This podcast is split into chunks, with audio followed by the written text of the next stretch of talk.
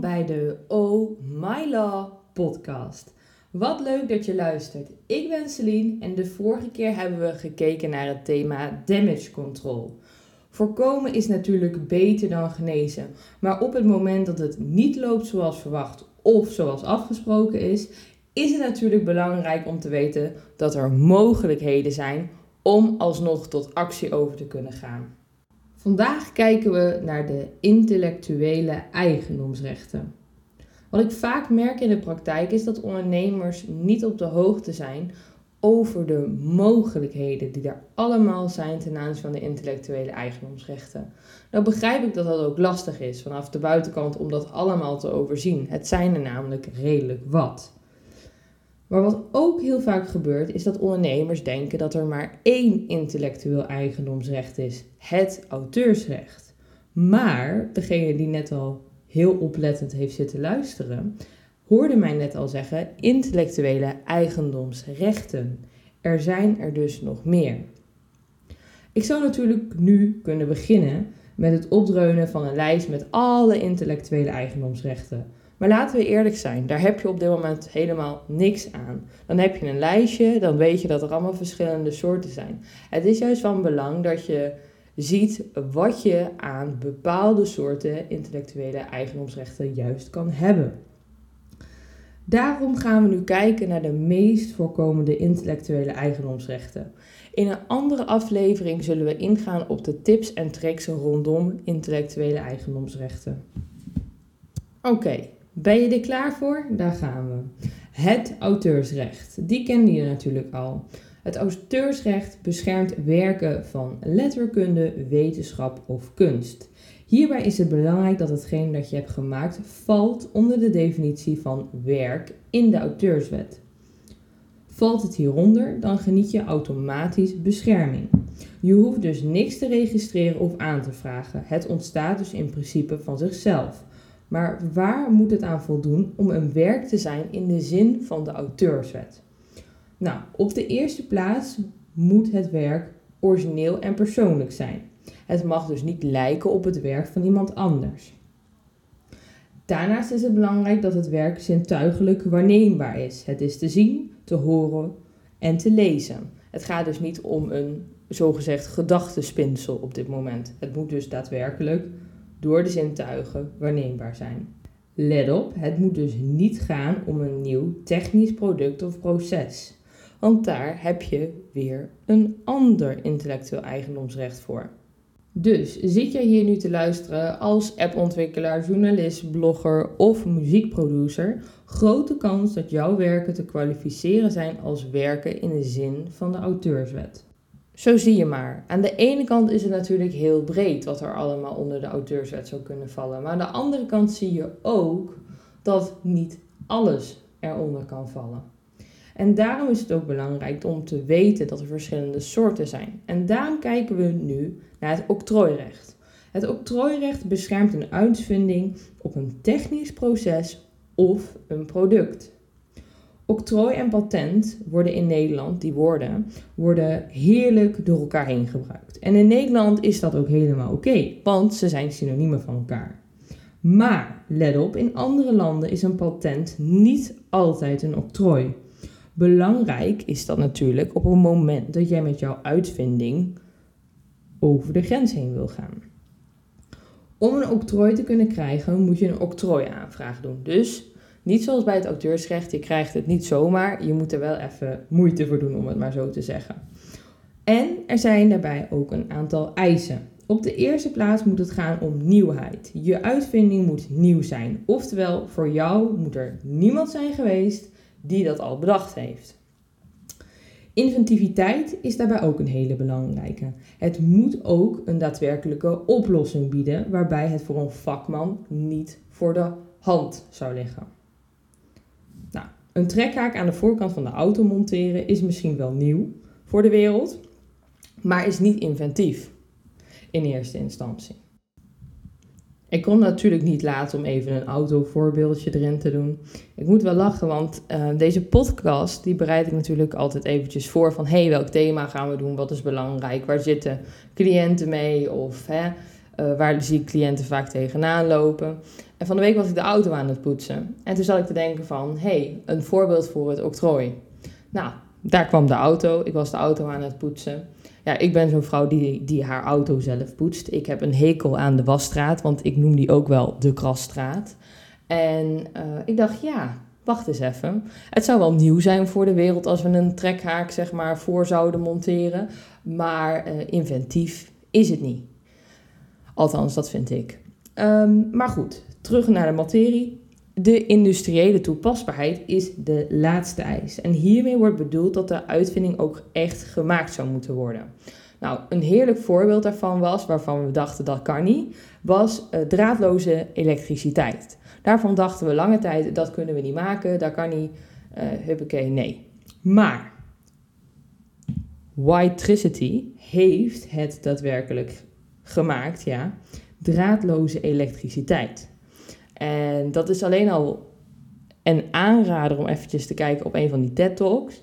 Maar dat zou je echt even moeten zien. Dat is dus gewoon, je hebt, geen, je hebt één stopcontact nodig, daar doe je hun device in en dan alles wordt gewoon erdoor aangestuurd. Je tv, je radio, maar ook gewoon je robotstofzuiger als je die hebt. Echt super gaaf. Daarbij dachten we dus eerst van ja, dat kan niet gemaakt worden. Maar nu blijkt dus achteraf, doordat we een stukje verder zijn in onze ontwikkeling, dat het dus wel kan. Dus het is ook heel erg belangrijk van, is het op korte termijn niet realiseerbaar of is het überhaupt niet realiseerbaar? Kijk, een, uh, wellicht het rijden op een uh, vliegende wolk, dat is misschien toch wel lastig te produceren. Maar who knows, misschien in een andere vorm. Dat het wel mogelijk is en dus industrieel toepasbaar gaat worden. Uh, je weet, ik heb altijd sprekende voorbeelden, want ik ben van mening dat op het moment dat ik de raarste voorbeelden geef, dat die blijven hangen. En dat is het allerbelangrijkste. Nou, wanneer je aanvraag van het octrooi goed is gekeurd, dan krijg je bescherming. En dan mogen anderen dus niet de uitvinding namaken, gebruiken zomaar en doorverkopen of verhuren. Dan gaan we naar de volgende. Het merkenrecht. Nou, die beschermt het logo of de vorm van een verpakking of een product. Maar wat kunnen we allemaal betitelen als merken? Nou, dat kan bijvoorbeeld je bedrijfsnaam zijn, zoals Nike, dat is een mooi voorbeeld. Je logo, de vorm van je product, een specifieke kleur, een bepaalde klank. Daarmee is het van belang dat je merk onderscheidend vermogen heeft. Zo is een merkenrecht op het woord patatboer voor een frietzaak niet mogelijk. Een mooi voorbeeld is Apple. Het beschrijft de producten namelijk niet, want je denkt in eerste instantie een appel, ja fruit. Maar het zijn natuurlijk voor de iPhones en de MacBooks en alle andere elektronica van Apple zelf. Ja, ik praat er natuurlijk nu even heel makkelijk over van hè, dat patatzaakje en dit en dat en Apple is duidelijk. Maar aantonen dat iets onderscheidend vermogen heeft, is in de praktijk altijd net even iets wat lastiger dan het standaard voorbeeld van de patatboer en de Apple. En um, het is natuurlijk ook zo dat taal een heel belangrijk aspect erin speelt. Um, wat een heel goed voorbeeld is, overal waar bijvoorbeeld euro voor staat, is ook al zo'n typisch woord dat eigenlijk gewoon ja, bijna de prullenbak in kan. Omdat het gewoon niet meer onderscheidend genoeg is. En daarbij is het alles altijd heel erg belangrijk, voordat jij überhaupt dit gaat registreren, dat je heel goed onderzoek doet of laat doen. En daarbij is het ook altijd heel erg belangrijk dat je met je neus jezelf gewoon op de feiten blijft. Um, want ik zie gewoon vaak genoeg gebeuren dat mensen het over de schutting gooien en zeggen: ja, kom wel goed en klaar is Kees. En op het einde loopt de aanvraag niet helemaal goed of heeft een ander niet goed genoeg onderzoek gedaan. En dan ontstaan de problemen omdat een ander bedrijf zegt: ja, ho, wacht eens even, dit lijkt wel verdomd veel op ons. Dus het is altijd heel erg belangrijk om in dit proces zelf ook actief aanwezig te zijn en uh, gewoon ontwikkelingen te volgen. En wat ik altijd heel erg belangrijk vind, is dat de cliënten begrijpen waar je mee bezig bent. En dat je de moeite, en de tijd en de aandacht neemt om het uit te leggen, zodat ze het ook begrijpen. En het is voor jezelf heel erg belangrijk van, hey, wat hier nu aan de hand is, begrijp ik dat? Yes, super. Begrijp ik het niet, dan vraag ik het na. Krijg ik niet de goede antwoorden, dan moet je gewoon de knoop doorhakken en zeggen, dit is niet de persoon die mij kan adviseren.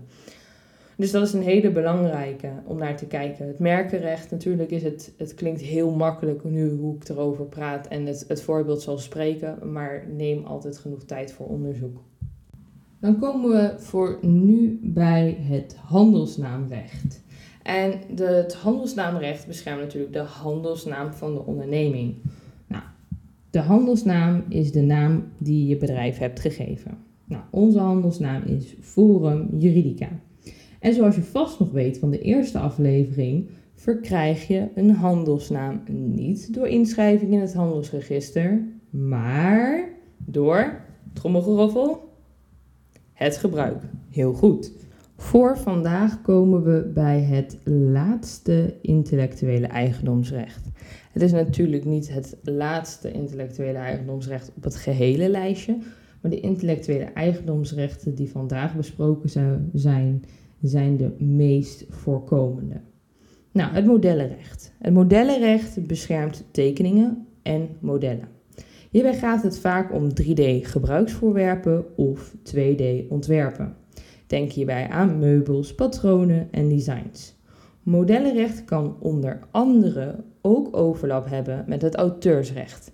Oftewel, we hebben dus ook hybride intellectuele eigendomsrechten. Een modellenrecht ontstaat door registratie. Voor de registratie gelden natuurlijk ook een aantal eisen. Op de eerste plaats moet er sprake zijn van een tekening of model. Dat klinkt natuurlijk bijna als een open deur, maar als je de juridische definitie zo ziet, dan heb je wel een, eh, een, eh, een klein hersenkrakertje, om het maar zo te zeggen. Nou, dan heb je de nieuwheidseis. Het moet nieuw zijn en er mag geen eerder identiek model beschikbaar zijn. Nou, het model moet een eigen persoonlijkheid hebben, oftewel ook een eigen karakter. Nou, de maatstaf hierbij gaat niet om Jantje of Pietje die denkt dat het dan origineel genoeg is. Nee, het gaat echt om iemand die verstand heeft van zaken en zegt van, yo, dat heeft echt een eigen karakter. Dan komen we bij de laatste eis van het modellenrecht. De vorm moet niet uitsluitend gebaseerd zijn op de technische functionaliteit. En natuurlijk ook niet helemaal geheel onbelangrijk. Het model moet ook niet in strijd zijn met de openbare orde of de goede zeden. Dat waren de intellectuele eigendomsrechten voor vandaag. Maar we zijn nog niet helemaal klaar. Misschien luister je deze podcast wel op Spotify, maar wist jij dat Spotify begin dit jaar een octrooi heeft gekregen waarmee Spotify op basis van de emoties van haar gebruikers de juiste muzieknummers kan voorstellen? Gaaf hè? Maar waar ik meteen aan denk, en daar kan ik natuurlijk niks aan doen, dat zit in het aard van het beestje, Jongens, hoe gaan we dat AVG technisch aanpakken? Ja, met de toestemming van een gebruiker kom je gemiddeld heel ver. Maar emoties, zijn die niet te kwalificeren als bijzondere gegevens? En als dat zo is, welke brandende hoepels moeten we dan niet wel doorheen om ervoor te zorgen dat het allemaal goed AVG-technisch geregeld is? Oftewel, er zijn flink wat legal bumps in the road.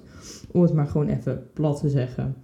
Dus of Spotify het überhaupt gaat inzetten in Europa is natuurlijk een hele belangrijke vraag. Zo zie je maar dat wanneer je een tof idee hebt, er veel meer juridische aspecten bij komen kijken dan dat je wellicht in de eerste instantie dacht. Maar de juridische aspecten kunnen lifesavers zijn. Dus op het moment dat jij bezig bent met een werk, een uitvinding of noem het dan maar op, check altijd eerst even: kan ik het beschermen? Zo ja, wat zijn de kosten? Wat zijn de mogelijkheden? Wat moet ik regelen? En maak dan de afweging. Hoppatee, zo, dan zijn we weer aan het eind van de zevende podcast. Zoals ik altijd zeg in iedere aflevering, aan alles komt een eind. Nou, aan dit intellectuele eigendomsrechtenfeest ook. Natuurlijk gaat het feest de volgende keer gewoon weer vrolijk door. We gaan de volgende keer namelijk kijken naar handige tips en tricks met betrekking tot het intellectuele eigendomsrecht.